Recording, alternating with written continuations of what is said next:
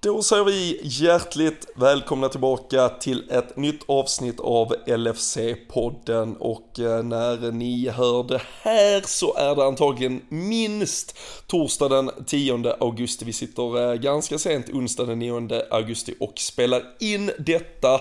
Jag eh, befinner mig fortfarande några dagar till i Portugal. Jag har sluppit stormen Hans men jag ser fram emot att kontrollera så att Daniel Forsell står kvar i, eh, ja, men i, i startklart läge där hemma i Borås eh, trots att det har eh, varit eh, vindar som har vint över Sverige de senaste dagarna. Det är ett eh, Liverpool som har eh, spelat sedan sist, fortsätter eh, ösa på bra framåt, men där finns väl klara frågetecken kring defensiven. Eh, vi lär eh, snacka det, vi lär snacka om och hur fasen det ska bli förstärkningar på det där innermittfältet och eh, såklart eh, fokusera väldigt mycket på att snacka upp premiären mot Chelsea. Men precis som vanligt så kommer det direkt efter våran underbara härliga jingel.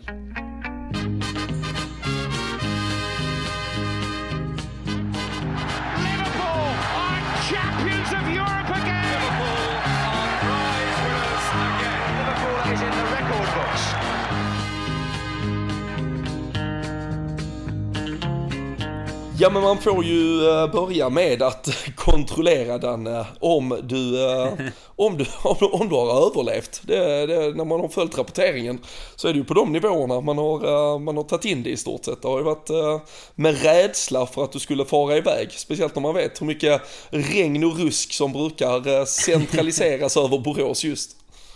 Ja men exakt det är väl fördelen när du, när du inte är på plats hemma är ju att läser du det i tidningarna så dras väl alltid upp en liten extra snap också och vi, vi har fasen klarat oss rätt bra. Ja, det är vad, vad vi här i trakten brukar kalla so svensk sommar liksom. Det är typ det som har, har glidit in här. Vi, vi har väl faktiskt också klarat oss rätt bra från vindar och sånt men, men regn i, i sidled och typ 12 grader och riktigt så här novemberväder har det ju varit så att eh, ja, du frågade ju mig förra, förra avsnittet eh, skulle, ville du stämma av lite lite liksom hur man Ja men eh, hur man mådde och det var ett tag sedan vi poddade och sådär och jag menar när man har ditt eh, Instagram-flöde och så har man detta utanför fönstret så, så känner man ju att man har mått eh, bättre definitivt. Det är ju liksom ja, laguner och bad och berg och sol och du vet den solen minns man ju fan knappt hur den såg ut. För jag sa väl det sist med när vi satt där tror jag att det var typ 12 grader och regn och det känns som att det har varit det ungefär sedan dess. Så det är ju Nej det är, eh, det är ju, det är ju ändå nära premiär nu så fokuserar man på det så är det ju gött men, eh, men eh, vädret verkar vara bättre i Portugal i alla fall. Jag hade...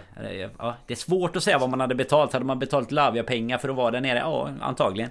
Det är väl där någonstans. Då, om, det, om det då är Liverpools prislapp eller om, om det är Southamptons, det får vi väl återkomma till senare. Nej, nej, men där kan man ju tänka lite så om, om jag då hade sagt, nej men Danne för, för 50 000 så får du den här resan. Hade du då börjat med att erbjuda mig 37 000 och sen 41 000 000 och sen 44 000 och sen 47 000. Ja. Eller hade du varit lite mer normalt funtad och bara betalat det som någon bad dig betala kanske? Det är, Nej, det är den stora frågan. Framförallt när det då är så här en vecka tills resans så här deadline Eller starten av resan kan man ju säga då lite som om man ska jämföra med Premier League starten Så att det liksom Det, det närmar sig också så att jag liksom snart kommer jag också tappa liksom Om jag snålar ut så kommer du jag också tappa resdagar på resan ja, ja men exakt Sen är ju det, det jag är mest intresserad av i den delen Det är ju vilka add-ons det, det handlar om där liksom i, eh, om, om jag lägger 47 plus add-ons sen så undrar man ju vad i resgrejen är det? Är det liksom några Har jag, har jag fixat något eh, ja, typ sparpaket till dig hemma ja. utanför bara. ja men kanske när du har fått tre soldagar, då pyntar du in en tusing till. Då ja, ja, du menar ekon- ja men exakt. Ja men det är ju fint. Det hade man kunnat göra i Borås. Hade man snart fått pynta för 2023 kanske. ja, fy fan. Nej, ska man inte glömma hur fint vi hade det om man lyssnar tillbaka till slutet på förra säsongen. Då, hade vi, då var det tvärtom. Då hade vi inga förhoppningar men vi hade fint väder i alla fall. Ja, men precis. Eller ja, vi hade fan. Alltid, man hade ju, alltid är det något skit. Ja exakt, man alla till och med få lite förhoppningar eh, dessutom i slutet på säsongen. Men den tempen blir väl intressant idag. Det var ju ett år sedan eh, Eller då hade vi dratt igång för ett år sedan Men då när vi satt i Thailand då Hade man väl mer förväntningar och högre förhoppningar på vad som komma skulle än vad man har eh, Än vad man har just nu i alla fall när man är liksom Mer inblandad och uppslukad av olika transfersoppor känns det som Än att, att det faktiskt är premiär om, om ett par dagar. Ja, för det var väl, om jag minns rätt, det var väl 30, alltså det var ju så tidigt som 31 juli har jag för mig fan att Community Shield spelades och sen var det väl ja, sjätte, det det. sjätte eller sjunde eller något sånt vi hade premiären. Ja. Jag fick upp för två, tre dagar sen vill jag väl mena, det flyter ihop lite här. Men där att eh, Darwin Nunes då gjorde ju mål i sin Premier League-debut ja, som det var mot Fulham där. Eh, I ett, I ett annars ganska mörkt möte som man kanske mest ville glömma det mesta från. Men eh, nu närmar vi oss ny premiär igen och vi ska ju som sagt blicka mot den. Men eh, för att eh, kanske först och främst eh, försöka göra något eh, lite mer seriöst kring det vi, vi skojar lite kring med Romeo Lavia och eh, den eh, mittfältssituation eh, som ändå är och där vi fick feedback efter förra avsnittet att vi nämnde att det var ett problem som behövde adresseras sju gånger.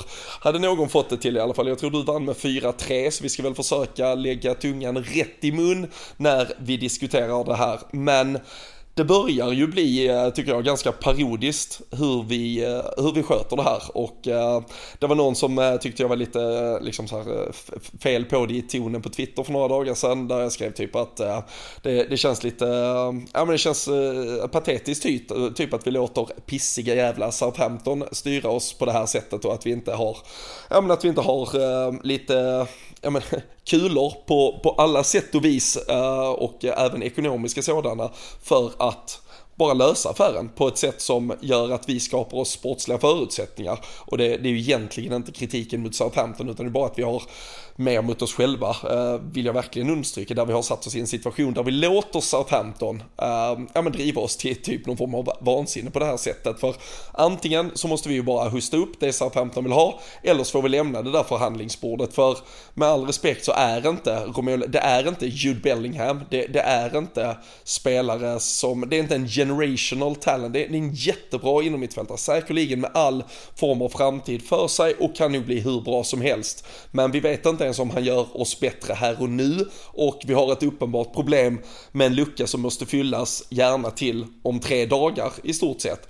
Och att det då är den här utdragna förhandlingen kring detta som har upptagit hela vår sommar, det tycker jag är ett otroligt jävla underbetyg och vi, man skojar lite när eh, fönstret drog igång kring Jörg Schmatke och han var här på lite sommarjobb och, och allt möjligt hit och dit och det är klart att McAllister-affären löstes eh, exceptionellt snabbt inledningsvis. Det var väl också en affär som kanske var klar redan under hela jävla våren. gick man väl bara vänta på att kunna sätta bläck på de där papperna och, eh, och sen är det ju Soberslide där vi däremot valde att göra just det som vi nu uppenbarligen inte gör i Southampton-fallet med att betala en utköpsklausul även om den inte finns konkret på det sättet nu utan nu ska vi förhandla kring det. Men det, äh, det börjar fan bli äh, riktigt alltså, tröttsamt att följa och äh, här någonstans går liksom mitt tålamod i alla fall för att nu känner jag bara så här, nu vill jag inte ens ha honom. Jag, jag är helt, hur bra han än är, helt ointresserad av honom för att jag tycker vår sportsliga ledning har misskött det så jävla grovt. Mm, men jag tycker det är några Det finns några parametrar att, att verkligen ta upp där För jag, jag, tycker som du är inne på Alltså den, den lilla jämförelsen vi gör där med att man att man får ett pris och sen ska man börja pruta liksom. Alltså det, det kan man ju göra på uh, någon, någon eh, caps i, i Thailand i marknadsståndet liksom. Men alltså dels tycker jag att det sker framför typ öppen ridå eller vad man ska säga att det sker. Alltså det, det är också ganska ovanligt. Det är väl oftast alltså att, att det läcker hela tiden. Det gör det ju kanske oftast inte. Alltså det, det kanske sker på ett ungefär samma sätt i vissa fall. Men då läcker det inte utan då, då kommer det ut när det är klart. Så det blir ju det stora pinsamheten i det hela. Men sen tycker jag också lite som du var inne på med vilken nivå han håller så tycker jag att så här vi kan ju inte låta en affär gällande. Jag tycker ju inte, alltså jag, jag är helt inne på den linjen som du, du sprang förbi lite där att jag tycker inte att han gör oss, eller han gör väl oss några procent bättre i truppen liksom. Jag tycker inte att han gör våran startelva bättre här och nu och då tycker jag så att vi kan inte lägga hela fönstret eh, och tiden och jag förhoppningsvis jobbas det på lite annat men liksom lägga allt fokus på det för att jag tycker inte ens att det är en spelare som, alltså vi betalar det om ni tycker att det är värt det men jag tycker inte att det är en spelare som vi måste ha här och nu.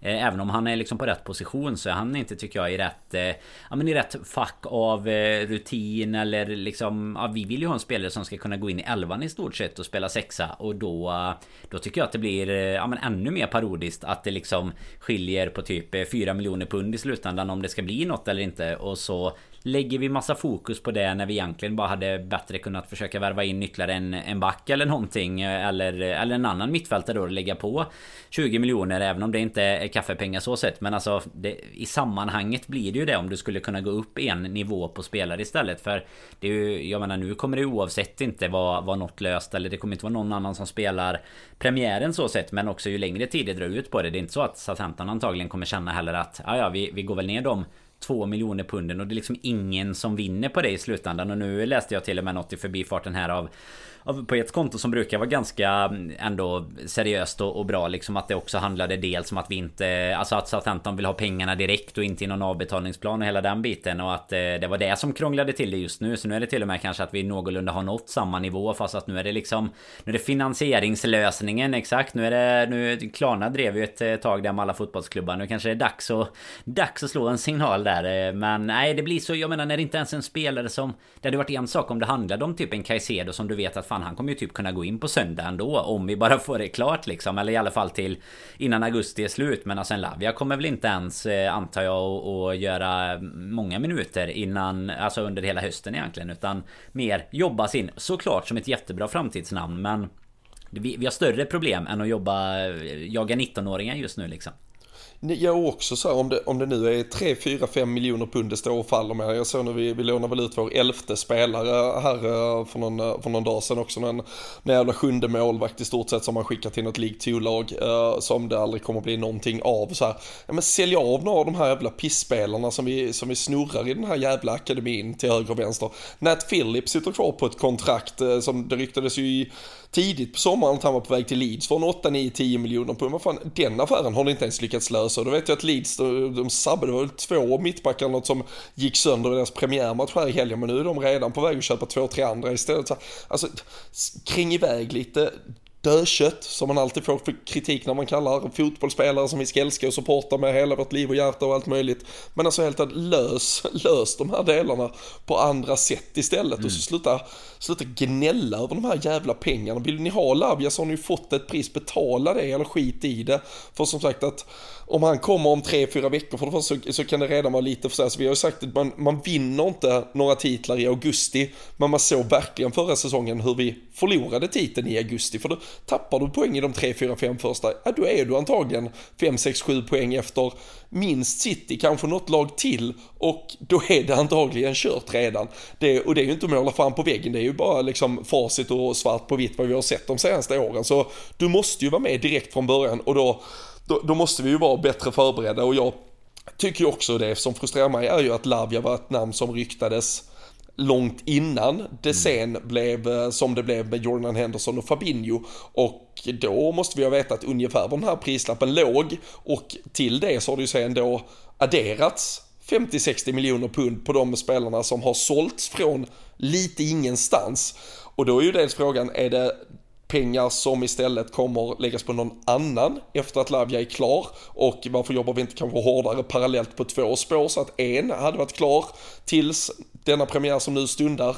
Eller varför inte? Och det vet jag inte ens om det är en fråga som har ställts eller något som har diskuterats men i min värld så hade vi ju just gjort så att vi hade sagt till Southampton att vet ni vad, om ni inte nöjer er med 45 för Lavia då behåller vi dem, sen har vi fått in 60 här från två andra spelare vi har sålt, så har vi över 100 miljoner pund och de dunkar vi till Brighton och så köper vi Moises Caicedo istället. Eftersom Chelsea lite håller på att fucka upp den affären på samma sätt som, som vi då håller på att klydda med Southampton om Lavia. För det som, som du nämner, det är ju en spelare som hade gått rakt in och gjort oss bättre på söndag.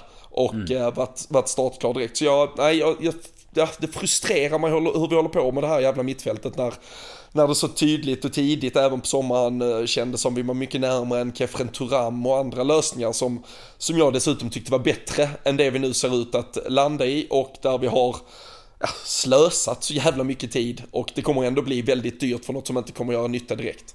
Ja, gubbe för gubbe så är det väl nu eh, åtta ut typ eh, Om man inte räknar med alla de utlånen som du pratade om. Men, men liksom åtta ut med lite kontrakt som har gått ut Lite försäljningar och sådär och så två Två namn in. Och jag menar alltså lite som vi pratade om eh, Det kom upp någon sån här liten Ja men någon som hade staplat upp bara där i någon Excel-fil Typ att det är de här namnen vi har nu liksom. Vi kommer ju behöva Det är inte bara alltså vi, vi har ju dels kanske en någonting vi behöver jobba med i startelvan. Alltså någon, någon som behöver vara ganska nära där. Dels en sexa, dels som vi, vi har pratat om lite kanske en backup eller i alla fall ett eh, fullgott alternativ till till exempel en Robertson i, i den trebackslinjen som uppstår liksom i, i anfallsspel. Och då, då är det inte bara, alltså då behöver vi även då kanske Alltså typ två, tre namn till utöver nu när vi har tappat både dessutom då Fabinho och Henderson så då är det liksom så här att två mittfältare som är väldigt nära elvan och i elvan till två nya mittfältare som är i elvan och kanske en som är mer mittemellan bänk och elva i, i Soboslaj liksom. Så att där någonstans har vi ju inte uppgraderat det någonting utöver att det såklart är yngre spelare och eh, ja har man tittat på träningsmatcherna så li, lite bättre pressspel i, i de här spelarna kanske och sådär och det, det kan ju vara en sak men jag menar att vi då vill vara på den nivån som vi vill vara på då räcker det ju tyvärr inte. Sen eh, eh, Sen är ingen gladare än mig känns det som att, eh, att bara vi ska få fokusera på fotboll på planen också och slippa just eh, transfersoppor och, och sådär. Men eh, det, det är fortfarande bara ett konstaterande att det blir ju inte Alltså det, det, som från början kändes som att det skulle kunna bli ett superfönster liksom Känns ju nu mer som lite mellanmjölk och, och så här, ja, lite uppgraderade spelare men, men att det saknas det, det finns liksom för många hål kvar att fylla för att man ska kunna se det som ja, som ett godkänt sommarjobb om man ska fortsätta på det för smatke då. Utan nej, jag vet inte fan alltså om det är... Man, man, undrar ju också så mycket vad det är. Alltså är det så här, är det FSG som håller i pengarna? Är det Klopp som är väldigt noga med att det ska vara just den spelaren som det alltid har varit mycket snack om också? Du vet att det ska vara så här, det ska passa precis in och sådär. Eller vad, vad är det som gör att vi att vi behöver lägga tre veckor på, eller det som du var inne på innan. Vi har varit mycket, eller vi har ju varit snack om, ja men egentligen hela sommaren. Men nu när det lite mer har intensifierats då. Vad, vad, vad gör att vi måste lägga tre veckor där och liksom inte kan... Var, varför händer inget annat? Varför ryktas det inte om något annat? Man, man fattar ju såklart att eh, faxmaskinen jobbar på annat. Men det, det känns ju som att klockan börjar ticka liksom även om det är ett tag kvar av, av fönstret i sig så är det ju lite som Ja men som vi har varit inne på så mycket. Alltså det Visst du kan värva någon på deadline day och ha dem klara till eh, mitten på september och då inspelade i oktober. Men då är det ju eventuellt för sent eh, i, i ligan i alla fall. Och det det är ju verkligen inte de förutsättningarna vi vill ha i år när man känner att det dessutom är många andra klubbar som Dels värvat ganska smart, värvat ganska mycket om man tar premiärmotståndarna på söndag liksom och sådär ändå försökt att komma lite, ja, komma i underfund med de problemen man har haft och lösa de knutarna man har behövt lösa. Men här känns det ju snarare som att man, eh, ja vi gjorde två affärer jävligt fort och så är man lite förnöjd med det och så sitter man lite på, på händerna sen. Ja, ja, nej det, det är märkligt. Och jag, och jag tycker också en aspekt kring det här med med ekonomin och, och, man kan ju eh, liksom tycka, tycka vad man vill om eh, FSG och hur mycket pengar som skjuts till och, och, hur de eventuellt resonerar den här sommaren och vi vet att de har betalat mycket, eller inte de, men vi, vi har som klubb investerat mycket i det arenabygge eller utbyggnationen av Anfield Road End som dessutom är ett litet försenat fiasko här inför eh, premiärveckorna också. Men när vi, när vi, när vi blir av med så mycket och du nämner åtta spelare ut och när vi blir av med så extremt mycket lönekostnader som det är. För om du tittar på, på både Henderson och Fabinho så var ju det, det var stora kontrakt eh, de två satt på. Eh, Firmino, det var inget dåligt kontrakt han satt på. Eh, Keita, inget dåligt kontrakt han satt på. Och ja men Milner, Oxlade med flera, de känner inte, de känner liksom inte kattpiss heller. Och eh, tittar vi bara tillbaka från ytterligare ett år med en, en Sadio Mané som försvann kontra de som har kommit in så har de nog inte kommit in på exakt så hög eh, veckolön heller som mm. Sadio Mané till exempel. Och en, alltså en, eh, där, där har ju Chelsea ja men, tatt, för att återigen bara stanna vid söndagens motståndare, de har ju tagit ett eh, helt nytt grepp kring det här med, med avbetalningen, och, eller inte avbetalningen, men strukturen på hur du lägger upp och planerar kontrakten med tanke på att du skriver ju av, i alla fall bokföringstekniskt, skriver du av eh, transfersumman över kontraktstid, vilket gör att till exempel en spelare får 50 miljoner pund har egentligen en veckokostnad på 200 000 pund, vilket är en, ja men det är ju ungefär vad, um, ja, strax under vad Jordan Henderson till exempel tjänade.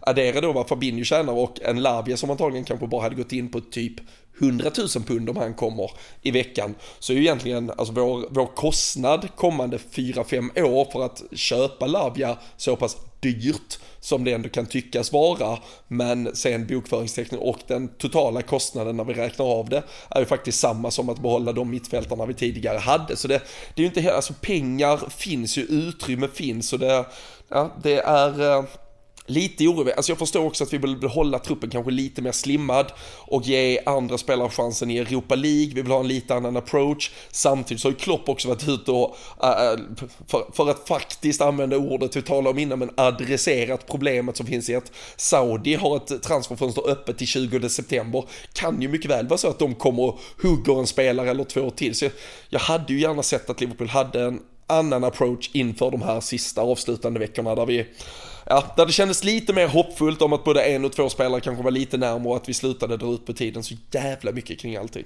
Ja och ta bara ett exempel där så nu, nu vet man ju inte alls vad, vad som låg i det och inte Men det kom ju ett rykte här för 3, 4, 5 dagar sedan någonting eh, det här med, med Salah 60 miljoner plus ett eh, hur fett eh, kontrakt som helst till honom liksom. Sen gick ju agenten ut eh, ganska fort och sa att vi hade inte skrivit på något kontrakt om inte vi var full eh, liksom var, var fullinvesterade i att vi kommer göra vårt eh, åtagande i Liverpool. Men det är bara en sån, ett sånt exempel som du säger. Alltså det kommer någonting till någon av de spelarna som vi kanske egentligen skulle kunna tänka oss att bli av med på lite sikt liksom. Så kommer det i 10 september och så är det så här, ja men då är det också kört och fixa en ersättare och då kan du inte ens ta emot den typen av bud som du egentligen kanske då hade försökt kunna lasta av lite spelare för bara för att du inte har skapat utrymmet eh, i truppen heller och, och jag menar vi kan ju inte alltså hur hur jävla god eh, Ben Dokan ser ut på kanten och vilken explosivitet han sitter på så vill jag ju inte att det ska vara vårt första val om någon av... Eh, nu, nu är ju i och för sig inte offensiven... Den bredden är ju inte det stora problemet men, men liksom om, om man tar det som ett litet exempel i alla fall. Ja, vi, vi kan ta Jones eller Budgetich alltså, alltså de... Så som det blev förra året när han slog igenom det var ju liksom Ja, det, det, är ju askul när det händer men det är inte meningen att man ska behöva stå och falla med Att det kommer upp en, en 18-årig talang liksom. Sen att eh, de jättegärna får speltid och att det, att det är ännu mer kanske som du är inne på Europa League och sånt nu också. Det, det kommer ju vara hur kul som helst att se i, i den turneringen Men jag vill ju inte stå med det när jag ska möta Chelsea borta i en premiärmatch och känna att Det liksom lite står och faller på att någon av våra Att våra unga spelare ska göra bragdmatcher liksom Utan Det har vi ju sett med spelare innan men alltså nu kan, kan jag inte säga att det är därför Vissa har försvunnit men man har ju sett att ibland känns det som att vissa spelare har fått lite för mycket ansvar på sig lite för tidigt och sen nästan har fallit tillbaka. Alltså det är väl lite på både en Harvey Elliot och en Carvalho. Alltså att förväntningarna blir så jäkla höga när de börjar lite bra och sen eh, helt plötsligt känner man att vad fan nu står vi och, och faller med att han kan, han kan spela mittfältare till exempel när vi hade Elliot i den här eh, trean med Trent och Salah ett tag liksom och det Nej det, det ska inte Det ska inte Liverpool behöva stå i liksom så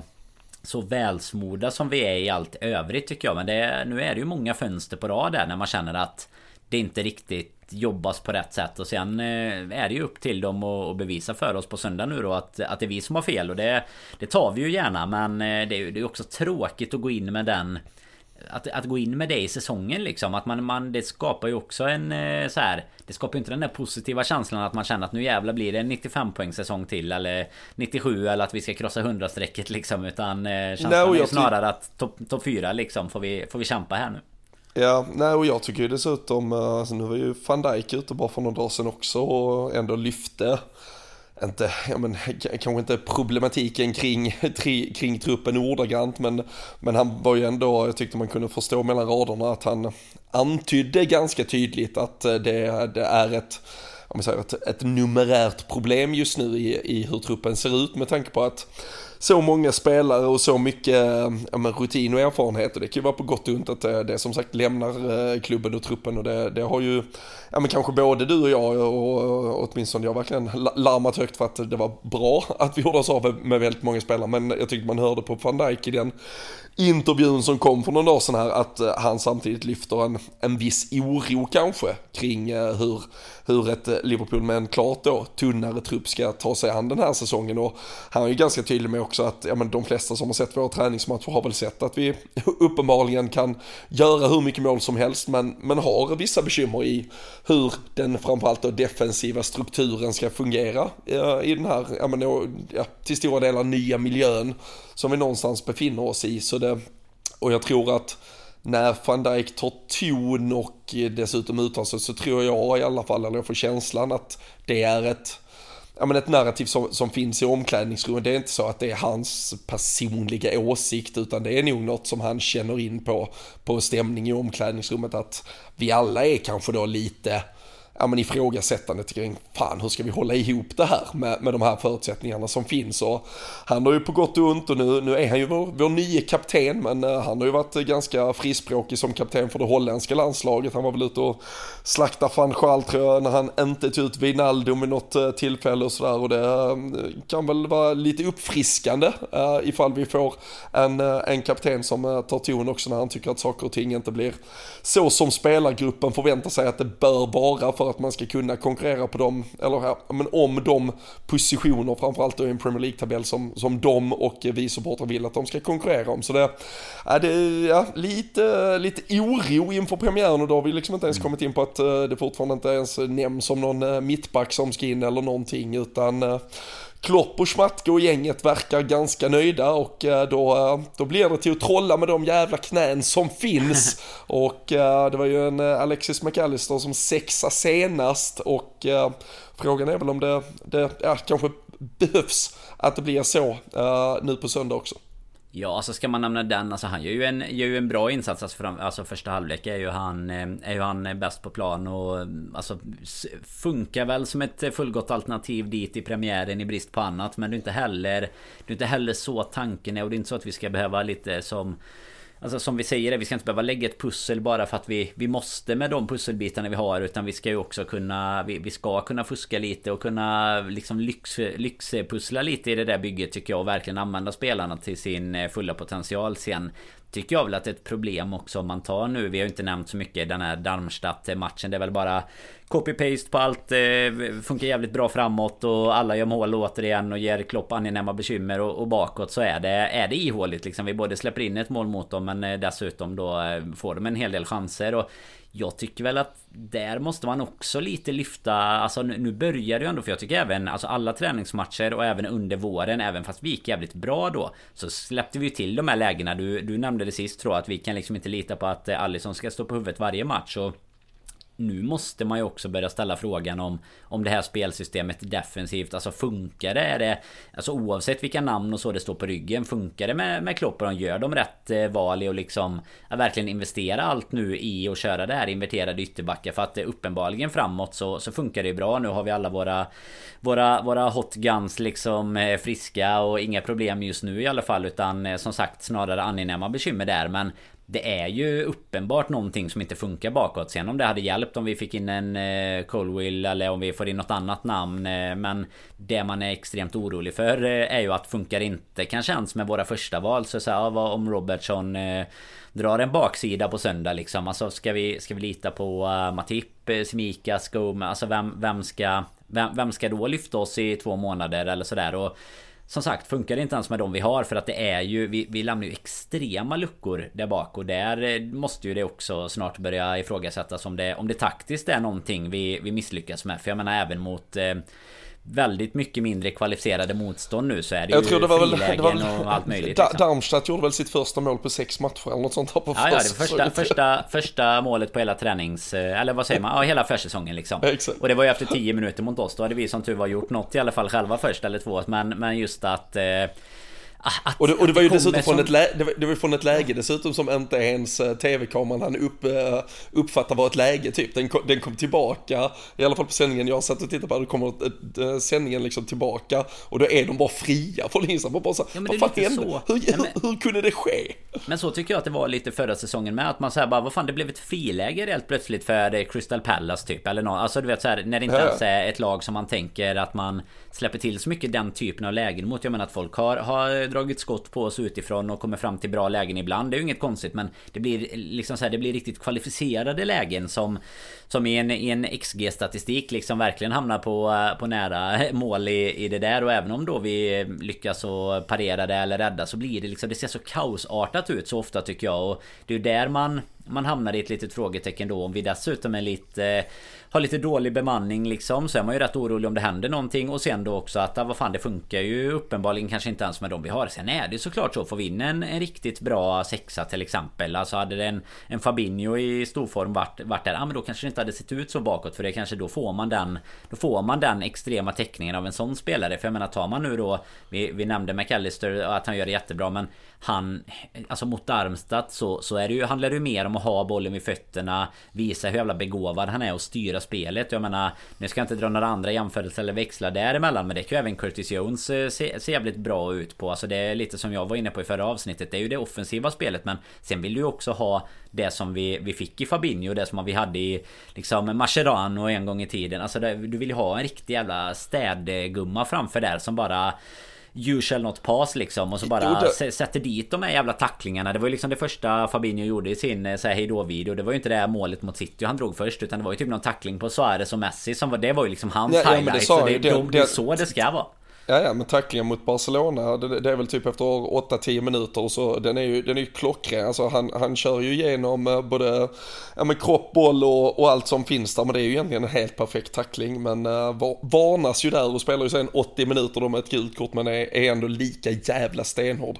Det är en sån otrolig jävla match eh, från, från hans sida, den där um, underskattad, kanske så här individuell insats, um, eller undervärderad i, i förhållande till, ja men stora insatser som gjorts för för Liverpool eh, genom tiderna det, faktiskt. Jo, det är det man vill ha av, det är exakt det du vill ha av den positionen typ. För den, den syns ju inte på mål, eh, alltså du, du syns inte i efterhand att det var du som gjorde hattrick eller någonting. Men det är ju ofta de matcherna du har ju i, i alla sådana stora matcher så har du alltid någon som också har gjort eh, en sjuk insats eh, liksom, ja men defensivt eller på mittfältet eller sådär som Som du säger som blir kanske lite underskattad eller som blir lite förbisedd i, i, i snacket sen utan det blir målskyttarna och det blir eh, taken quickly och liksom avgöranden på det sättet men Det är ju eh, Alltså det är minst lika viktigt och det, det kan ju vara ett sånt det kan vara ett sånt nav i hela vårt försvarsspel som, som saknas där liksom. Det kanske är som sagt Det kanske är direkt med en, en riktigt bra spelare där för att få För att få järnkoll på På backlinjen också liksom att eh, Ja men van Dijk, Konate och Robertson kan känna sig trygga i att de kan ta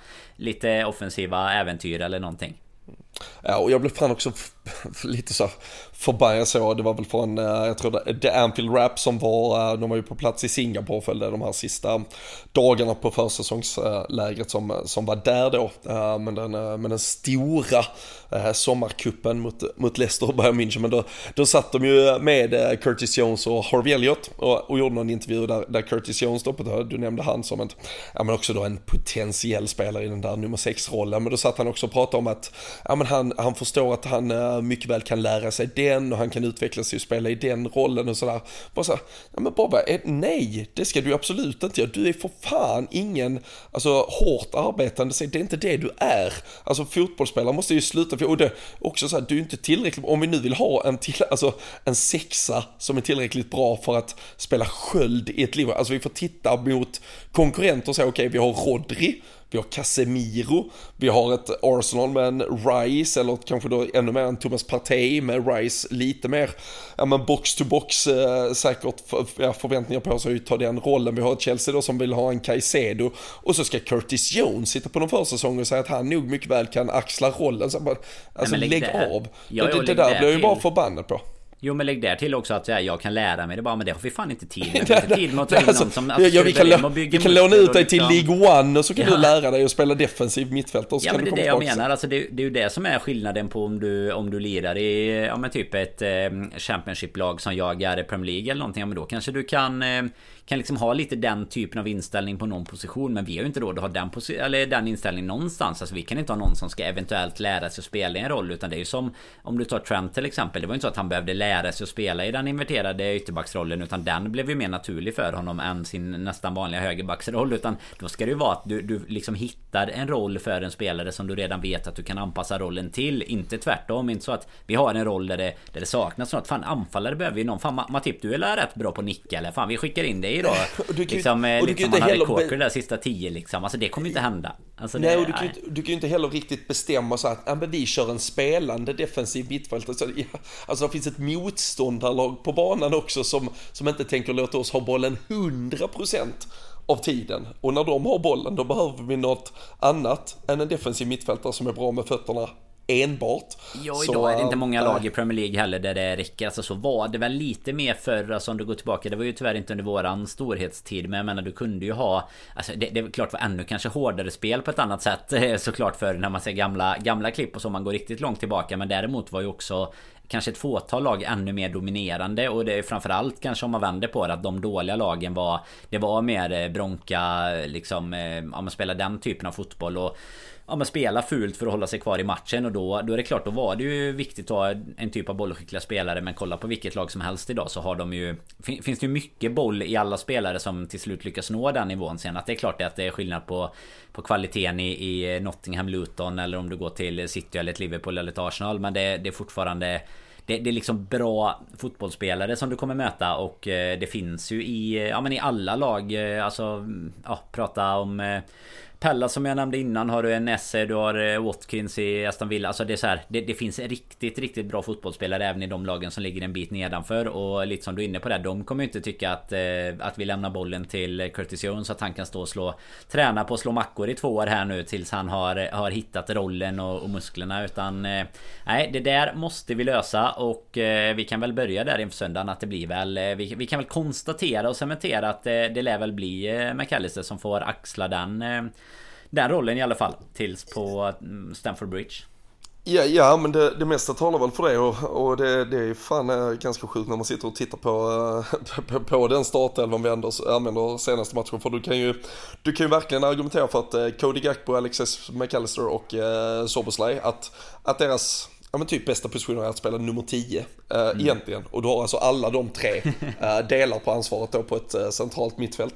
Eh, och i det då så har du dessutom tre offensiva spelare eh, med, med spetsegenskaper eh, som, som är enkom handlar om att fokusera på offensivt i, i Luis Diaz, eh, Diogo Jota, Mohamed Salah. Om det blir Jota, Diaz eller om det blir Darwin in där, det, det får vi väl vänta och se och det ska vi väl diskutera vad vi, vad vi hade valt kring. Uh, addera då att uh, Trent trycker upp uh, från sin högerbacksposition och att Andy Robertson verkar skita blanka fan i att vi kör med en inverterad högerback utan han tror att vi bara spelar som vanligt och han har små på sin kant.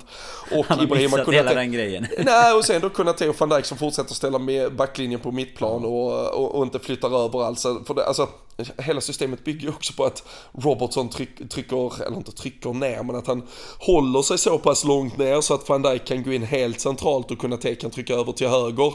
Men det är ju ofta att Robertson är så pass högt uppe så de måste ju ligga kvar som en, som en tvåa och det var ju så jävla blottade. Och eh, alltså om vi bara tittar på hur det i alla fall, ja men stod, då ska du ha en eh, Gakpo eller en Soboslaj som ska, ska komma ner och falla ner och täcka på en högerbacksposition. Det, jag, jag, jag har bara svårt att se hur, eh, hur vi får ihop det här. Så det, det blir väl det vi har varit inne på egentligen hela sommaren. En, en fråga om att göra fler mål än eh, motståndarlaget för att vi håller nollor eh, inledningsvis. Det, det, har man svårt att se. Sen eh, har vi ju spelat fyra raka minst måste det vara 0-0 matcher mot just Chelsea. Det blev ju två, det var ju två riktiga jävla sömnpiller förra säsongen och så hade vi ju mm. två finaler mot dem våren innan där. Det var ju till och med 120 minuters matcher som gick till straffar efter 0-0 i båda dem. Men äh, nu kan det ju inte stanna vid 0-0 där. Det här kommer ju, äh, det kommer ju bli sjöslag. Det, för det, alltså jag är ju inne på, på din linje. Det, vi såg väl antagligen typ startelvan här senast. Med eventuellt då ett undantag för att Darwin Nunes kastas in mot antingen Jota eller Diaz. Och det tar man väl typ helt på dagsform skulle jag tro. Ja, och det gör väl man som supporter också tänkte jag säga. Alltså det offensiven litar man ju till, till fullo på att de, eh, de sätter dit de som de tror är bäst för dagen. Och det känns som att varje gång det är någon som man, man är mest tveksam på, så som sist kanske Jota, att eh, han, han startade inte matchen innan och så fick han starten och så tänkte man att ja, men det, det är kul att han får starta i den positionen. Ja, men så gör han mål ganska snabbt liksom. Och så bara, ja men fan då kanske det är han som... Alltså alla har hela tiden överraskat. Diaz tyckte jag var jäkligt frejdig sist också och eh, gör ju ett jätte, jättefint mål på hörnan där.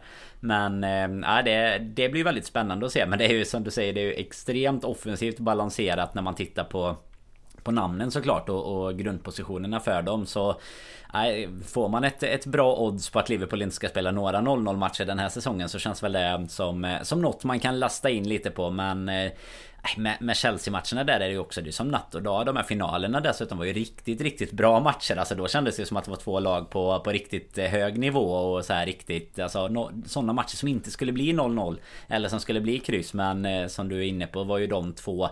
Det är ju det är typ de två tråkigaste matcherna från hela förra säsongen. Och sen lite så här, alltså både bra på ett sätt tycker jag att möta dem i en premiär för att de har ju också haft en riktigt usel säsong bakom sig. Mycket nyförvärv som kanske inte riktigt har kommit in i det. Fick eh, en Konko skadad nu eh, dessutom. Det är ju alltid tråkigt för personen men det gynnar väl eh, förhoppningsvis oss lite för han har ju ändå haft en bra, en bra försäsong och gjort lite mål och sådär. Men då är ju så här, ja, det, det, är ett bra läge ur den synpunkten att kanske få, um, få åka dit och ta en, ja, på pappret då oerhört tuff match från, från start. Men det också känns ju otroligt otroligt oklart i vad det är för typ av match vi, vi kommer att se. Och, och baserar man det på våra matcher så tänker man ju precis som du är inne på att det blir Det blir liksom eh, 3-3 eller något om det nu ska bli ett kryss eller 4-3 till, till endera laget. Men eh, ja, samtidigt så är det någon eh, Pochettinos första match är det lite ställningskrig Vill man vara nöjd med en pinne? Alltså ja det är Ovanligt känns det också. Länge Alltså eh, var det Arsenal typ 16 eller någonting Eller som vi hade i någon premiär med va Som ändå var en eh, sån här match. Annars har det varit så jäkla mycket nykomlingar nu sista åren Känns det som där vi går in med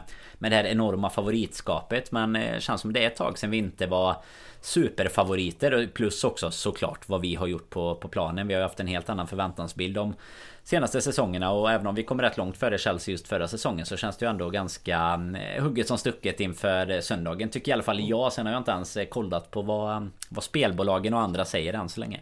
Nej, nej, får ta en titt. Jag känner, Arsenal mötte vi ju faktiskt ganska tidigt, ett, ett par år. Det var väl inte på raken kanske, men för jag, jag, vet inte, är det i första omgången direkt där Joe Cole tar sitt röda kort? Det är i alla fall det första han gör i Liverpool när han tar ett rött kort efter 45 eh, minuter. Det är ju mot Arsenal. Det är i alla fall i hemmapremiär, är jag rätt säker på. Sen om ja, det är premiär också, eller om det bara är hemmapremiär. Och sen, och sen så har vi ju även äh, där Sadio Mané upp på ryggen ja, på Det är den på jag tänker på. Dela 16 ja, tror jag. Eh, ja men det måste det ju vara. Och sen, och sen så har vi väl även om det är ett eller två eller tre år till när vi spelar i svarta tröjor, typ Suarez och Carroll eller någonting gör mål också. Jag tror också det är borta mot Arsenal äh, ganska tidigt. Men, men skit samma. Ja, datorn, äh, datorn brukar ju eh, randomisera ganska lika spelscheman. så det är inte helt omöjligt. Men det var någon gång där 2018 kanske så uppdaterade de en programvara och då blev det helt plötsligt lite andra matcher. Ja, Annars är det ju fan eh, copy-paste i, i stort ja. sett. Det är ju vi, det är typ såhär, titta, titta på vilka som går upp och se så att okej okay, nu blev det Ja men typ om Everton hade åkt ner så bara okej okay, men då kan vi faktiskt lägga Liverpools eh, hemmamatcher och Everton. Alltså så här, då behöver man inte anpassa det riktigt likadant. Nej, nej, nej, nej. Annars nej, känns det ju som att det är exakt samma. Wolves eh, hemma då för, eh, för tredje gången ja, här på bara i sista omgången för bara på då tre, fyra år. Vet visserligen att det betyder att vi kommer gå över eh, typ 95 poäng och sen förlora titelstriden mot City på, på matchens sista spark. typ ändå, men, ja, men Chelsea om man tittar bara på senaste startelvan så, så valde de ju att starta med Kepa i mål. Nu har de ju fått in Robert Sanchez från, från Brighton. Det var något litet rykte om att Kepa skulle till Bayern München istället. Men vet fan, känns som Tuchel, han, han petar väl först Kepa i alla fall och spelar spela Mendy när han var så jävla bra där så vet fan vilka, vilken relation de, de har. Men uh, vi kan väl utgå från att Kepa startar. Uh, Reece James, Thiago Silva, Levi Colwill och Ben Chilwell var en fyrbackslinje senast de spelade och det känns väl som det kan bli så nu också. Mm. Uh, du nämnde ju en Kunko som är skadad, Nicholas Jackson däremot lär väl starta på topp. Enzo Fernandes och Conor Gallagher på innermittfältet senast. Där är det väl en uh, brassen där, André Silva, som många tror uh, kanske tar starten och sen Eh, den här Carney Chukwemeka som de plockade från Aston Villa, det måste varit förra sommaren va, eh, mm. vill jag minnas, som de också tror fyller på på det här mittfältet. Och så, sen är det ju lite olika alternativ, det är ju en Sterling, det är en Mudryk och det är även en eh, Ian Matsen som man kanske tror kommer på speltid. Men alltså, det är ju på pappret ett lag vi på alla sätt och vis går upp och är jämnbördiga mot, men men det är väl lite där vilken jävla typ av match vi kommer få. Um, alltså det, det, det känns ju som att en seger för antingen oss eller Chelsea skulle ju verkligen sätta fart på, alltså för det känns, mm. även om, alltså Chelsea på alla sätt och vis är ju ett mycket mer, säger, nytt lag sett till många fler nya spelare, ny manager, eh, andas kanske mer ny luft på alla sätt och vis än vad vi gör, men även om det inte har förändrats så mycket så känns det tycker jag i alla fall som att det här är ja, men första gången vi sparkar igång lite en Klopp 2.0 säsong mm. på grund av att vi dessutom då har förändrat formation. Ja men det, det, är väldigt mycket man vill glömma med förra året, det är hela soppan kring, kring Henderson, det, det, det är något nytt som andas och då skulle ju precis för vår del på samma sätt som för Chelseas del en seger här i premiären sätta sånt jävla, ja, sånt jävla vind i segern direkt. Så jag tycker ändå att det är jävligt viktigt att gå för alla de här tre poängen. Jag är lite rädd kanske att båda lagen har för mycket nerv och känner att ja, men en förlust här skulle vara ja, men ett för stort slag i magen till, till allt det man har planerat under sommaren. Att man är lite för passiv. Men eh, jag hoppas kanske lite mer på, alltså jag tror vår chans, eller bästa chans till seger är snarare att det blir hela havet stormar av det här mm. och att vi vinner typ med 4-2. Lite ställningskrig, lite nervositet och sådär, då, då känns det ju tyvärr som att det kan tendera att det blir hemmalaget som i slutändan bygger tryck sista 10-15 typ. Och det vill jag nog inte utsätta vår backlinje och vårt mittfält för. Nej men håller med helt där egentligen. Så det som jag tror är nyckeln på, på söndag det är ju att eh, det, det, är ett eh, ännu mer som du är inne på. Alltså fler nyförvärv där som ja, men på något sätt ska spelas ihop och, och fungera tillsammans. Och det, det, tar ju alltid lite tid in på en säsong. Och då tror jag att det pressspelet som vi har lyckats göra mot... Eh, ja men även i och för sig på, mot Bayern Så att det inte bara bara sämre motstånd på, på det sättet. Men alltså att vi kan eh, hålla hålla försöket i, i det här att anfalla är bästa försvar så tror jag att eh, det också kommer vara det som kan väga över för oss. För precis som du är inne på tror jag att ett ställningskrig hade gjort att du vet du börjar med Det är typ som en dragkamp liksom. Du börjar med 50-50 Men så faller vi lite för mycket och orkar så. inte riktigt. Exakt och så är det något som trycks in och så, och så vet man ju ändå att det är ju ändå ja, men ett relativt även om nu eh, Colwill får spela istället efter eh, skador på Fofana och sådär där men då Då blir det ju ändå så här, de Känns ju ändå som att de har en defensiv att sätta dit mer än vad vi har vid ett läge där man kanske har, har fightats lite och de gör ett mål till exempel. Så jag tror också att det är liksom högt pressspel och håller med om att det känns lite som att det är att, att Klopp trots många av de samma spelarna Så det är väl dels också för att det är så många som har försvunnit av de som tillhörde Klopp 1.0 då liksom Och sen dessutom var, var liksom eh, tongivande, lite fanbärande där Du har en helt ny Förutom Salah då men alltså det blir ändå en helt ny fronttrio på något sätt och du, du Jag tycker i alla fall att man har känt det väldigt tydligt just den här att energin är lite mer tillbaka. Så du har du, du har hög press igen. Du har det här... Eh, jag tror jag sa det någon gång eh, i, tidigare i somras med det här lite mer heavy metal som, som Klopp kommer när han var helt galen och Lalana sprang flera mil per match liksom. Alltså du har lite mer av det här i, i vårt lag just nu. Vilket kanske är det som, som mest gör att man andas optimism och alltså att, att offensiven har fungerat och klickat så jäkla bra. Det det, det, är ju det som gör att man känner att ja, vi, som, som jag tror att du nämnde här innan Vi behöver alltid bara göra fler mål än dem Sen kommer vi släppa in mål Vi, vi ska liksom inte rekommendera våra Våra egna gubbar i, i fantasybacklinjen Utan eh,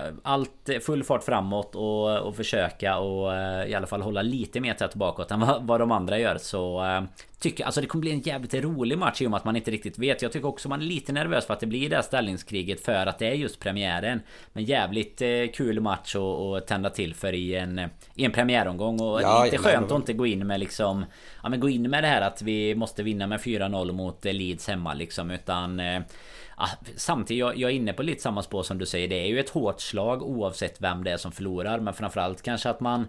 Li, lite samma sak där att eh, man alltid ska vara, vara liksom mer... Gå in mer för att vinna. Eller vad är det man brukar säga? Att rädslan för att förlora får inte vara större än den glädjen för att vinna liksom. För att jag tror också att man både för våran del och för Chelsea får en sån sjukt bra mental start av att kunna ta en trea på söndag. Ja och för vår del eh, sen ha, ha, ha Bournemouth hemma en vecka senare och känna att vi har löst tre redan mot Chelsea. Nu går vi in och bara dundrar eh, över eh, Bournemouth. Och så, så står man på de där sex pinnarna. Det kommer alltid vara något lag eh, som har gått på någon liten plump liksom. Och då, då har man eh, den där jävla vinden i segern direkt. Det, men kolla på Arsenal är, typ förra, förra ja, säsongen. Alltså, ja, nu hade de ju ett eh, mycket tacksamt schema och till slut när du tittar på tabellen så ser det inte ut som att det, det är så nära som, nej, sen, som man schemat, kände hela säsongen. Nej liksom. men schemat blir också och känns tacksamt efter att ha tagit en eller två alltså, vi, vi hade ju inte ett hurra, men vi, vi gick ju efter liksom full jättebra hand. på pappret nej, full, liksom. ja, full han var ju lätt. Sen är det Crystal Palace, vad är det, tredje omgången eller någonting? Eller om det är andra. Det till och med, andra till och med. Ja men till och med det och sen det var inte, det var inte många veckor senare och det var,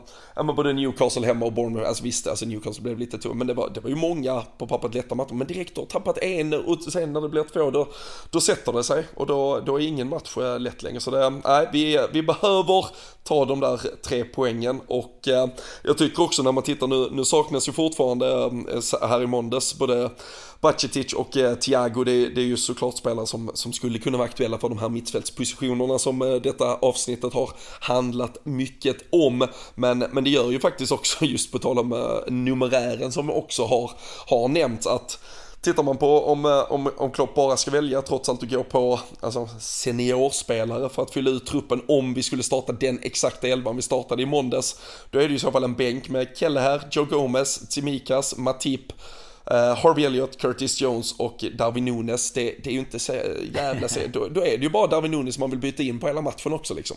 Det, ja. ja det, det, det, det, är ju vad det är också liksom. Ja och dessutom nu när man har sett Nu har det ju gått en, en omgång Nu var det Community Shield och det har varit Championship Och man ser ju att eh, det här som eh, Som vi diskuterade lite sist med de nya reglerna för övertid och sånt det, det är ju i alla fall i I den omgången väldigt väl använt Och det har ju varit många som har varit över 10 minuter extra liksom Och då kommer ju då kommer det bli ännu viktigare att du har en truppbredd och att du har... Så, eh, ja, sånt jävla haveri. Liksom. Du, vet, du vet när vi släpper i, slänger in Joel Matip i det där 87 minuters bytet för att vi bara ska hålla nollan sista som, som Klopp gillar. Och så är det 17, ja, men 17 minuters tillägg. Ska vi spela med den där jävla fembackslinjen i 20 minuter? Det, kom, det är fullständigt haveri. Fan vilka men, tider när han alltid körde den alltså. Det, ja, ja, men det, och, det är ju där, och det är ju här, alltså allt såklart hänger ju samman med, alltså det är också här som sagt, alltså, man hade velat ha in en eller två spelare som hade gått rakt in i den där startelvan för att sen sätta några av de här spelarna på bänken, bredda truppen. Man blir ju förbannad när man vaknar till nyheter att Manchester City har kommit på att de vill kanske ha lite mer lyx på den där bänken och så ska de slanta upp 70 miljoner pund för Lucas Paquetá liksom för att, ja vad fan det kom ju på nu här tre dagar innan premiären att det hade ju varit nice med den spelaren ja. också. Om det blir tre uh, minuter extra övertid behöver vi ha någon extra gubbe. Ja liksom. men typ så, det, ja fy fan. Men, men så är det. Det är bara några dagar kvar till premiär. Vi, Eh, jag tror ändå vi är eh, eh, ganska mycket mer förväntansfulla och ändå taggade än vad vi kanske låter. Det finns saker som, som kanske inte har med fotbollsspelandet innanför de där kritade linjerna att göra som gör en lite frustrerad den här veckan som Liverpool-supporter. Men när väl boll, bolljäveln är i luften och allt är igång då, då ska vi förhoppningsvis kunna fokusera på det som presteras. Vi hoppas på tre poäng på söndag och precis som vanligt så kommer ni kunna gå in på patreon.com LFC-podden och eh, tippa den här matchen. Eh, så ligger där eh, schyssta priser från Sam Dodds i potten. Och det är väl innan fredag kväll dessutom för det är ju då Premier League sparkar igång med Burnley Manchester City. Man också kan gå in via Patreon om man blir ja, supporter därifrån och joina våran fantasyliga. Mm. Så det ska man ju såklart också göra. Och ska man då gå på Liverpool-spelare får man väl själv fundera kring vilken offensiv framförallt som Klopp väljer för försvarare och hållna nollor i alla fall. Eh, kanske inte det man ska kika på. Jag eh, tror inte jag sticker ut eh, hakan allt för mycket när jag tänker i de eh, banorna i alla fall. Så det, eh, det närmar sig snart, mycket på gång där och sen växlar vi ju såklart upp och från och med måndag så är jag dessutom tillbaka hemma i pissvädret i hemma Sverige. Hos Hans, så då, hemma hos Hans. Ja, men då blir det lite, lite bättre ordning på grejerna. Men, men det är ju ändå alltid kul att vi kan klämma in den här stunden när, även när vi inte är på samma breddgrader helt och hållet. Ja men verkligen. Och de, eh, de förhandstipsen som man ändå kan ta med sig tycker jag väl är att eh, Ska man prata om fantasy så är väl Salah den andra i våran offensiv som kommer spela de här 100, 110 plus minuterna liksom. Och, och um, Resultatmässigt kanske vi inte ska tippa. Vi är ju så jävla dåliga på att tippa så att Vi kan ju säga så här då, sätt inte 0-0 i alla fall. Det, det, är väl det vi kan ha varit överens om i avsnittet att vi ja, det, blir, det, det, ser blir man ju inte framför sig. Nej det här är femte gången gilt. Det kommer börja trilla in mål mellan de här två lagen. Det, det vågar jag fan lova Ja men det måste det göra. Och det, det är ju ändå jävligt gött. Alltså det släppa lite på de här eh, Schmatke och, och det här eh, tugget och bara Ja men som du sa kritade linjerna Det var ju fint eh, uttryckt att just eh, fokusera på det som händer Händer där inne igen Kommer ju bli jäkligt gott. Och det, är ju, det blir ju såklart kul över överlag ända från fredag och, och hela helgen sen att det, att det är premiär igen. Dessutom lite, lite kvartsfinaler och sånt på morgonen där också så att man får eh, lite uppvärmning också. Så att det blir eh, så jäkla gött att det är tillbaka. Det trodde man ju knappt att man skulle säga när när vi avslutade i, eh, i maj där för då, då var man ju fan utkörd. De har varit varje år här efter eh, jakter på kvadruplar och sen så eh, förväntningar som både försvann, kom tillbaka och försvann igen. Men eh, jag tycker väl ändå att vi är på den positiva vågskålen även om man eh, inte har tyckt det här nu i 50 minuter. Men jag, jag tror ändå att vi har lite förhoppningar inför säsongen och så Två, tre papper påkritade här innan 31 med så, så ska vi kunna flyga i Klopp 2.0 också. Det kommer vi att göra. Så eh, nej, det ska bli ehm, sjukt kul att komma igång. Eh, jag har fan eh, riktigt bra planerat också. Jag flyger hem. Har lite av en mardrömsflight tidigt så in i helvete på, på lördag. Det går inte ens att kalla det morgon. Det är fan natten mellan fredag och lördag. Men landar ju perfekt hemma i soffan till 13.30. Så har man åtta timmar att bara ligga på soffan och ta in lördagens lilla uppvärmning för att sen tagga igång inför söndagen. Så det, nej, det ska fan bli det är riktigt gött att Premier League äntligen sparkar igång igen och eh, vi eh, kommer såklart att ösa på med våra avsnitt i vanlig ordning från det att eh, allting har eh, sprakat loss också. Så eh, vi tackar som vanligt för att ni har lyssnat, för att ni är med oss. Sprid och dela våra avsnitt och glöm inte att gå in på patreon.com slash LFC-podden där för att dels vara med i våra olika tipstävlingar, snabbt in och joina om ni vill vara med i fantasyligan med lite extra priser i potten med mera, med mera. Det händer mycket, det är för jävla roligt och uh, vi hörs och ses snart igen.